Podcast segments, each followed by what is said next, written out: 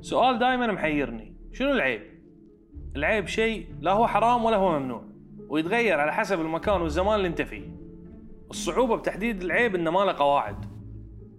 على سبيل المثال إذا أنت قاعد بينك وبين ربعك وتلفظت بشتايم ممكن يكون عادي عندهم ولا واحد بيقول لك عيب.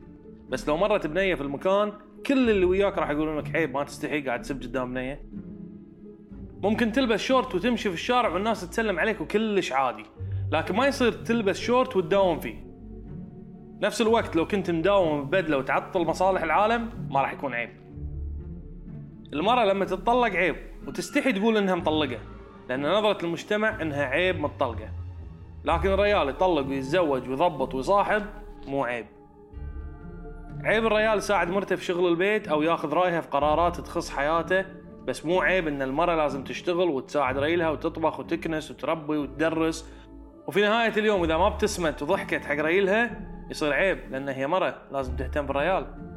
عيب تشتغل حمالي عيب تشتغل حارس أمن عيب تشتغل تصب بنزين عيب تشتغل قرسون في مطعم. وإذا ما عجبك كلام الناس وقررت ان تقعد في البيت بعد عيب لأنك ريال لازم تشتغل. بس مو عيب تأجر سجلات تجارية وتبيع اقامات وتزيد العمالة السايبة بالعكس أنت تعتبر تاجر. المهم التناقضات في موضوع العيب وايد لكن بالنسبة لي سوي اللي بتسويه مو عيب إذا ما كان حرام وما كان مخالف للقانون. بس الأهم لا تضر غيرك لا جسديا ولا لفظيا ولا معنويا.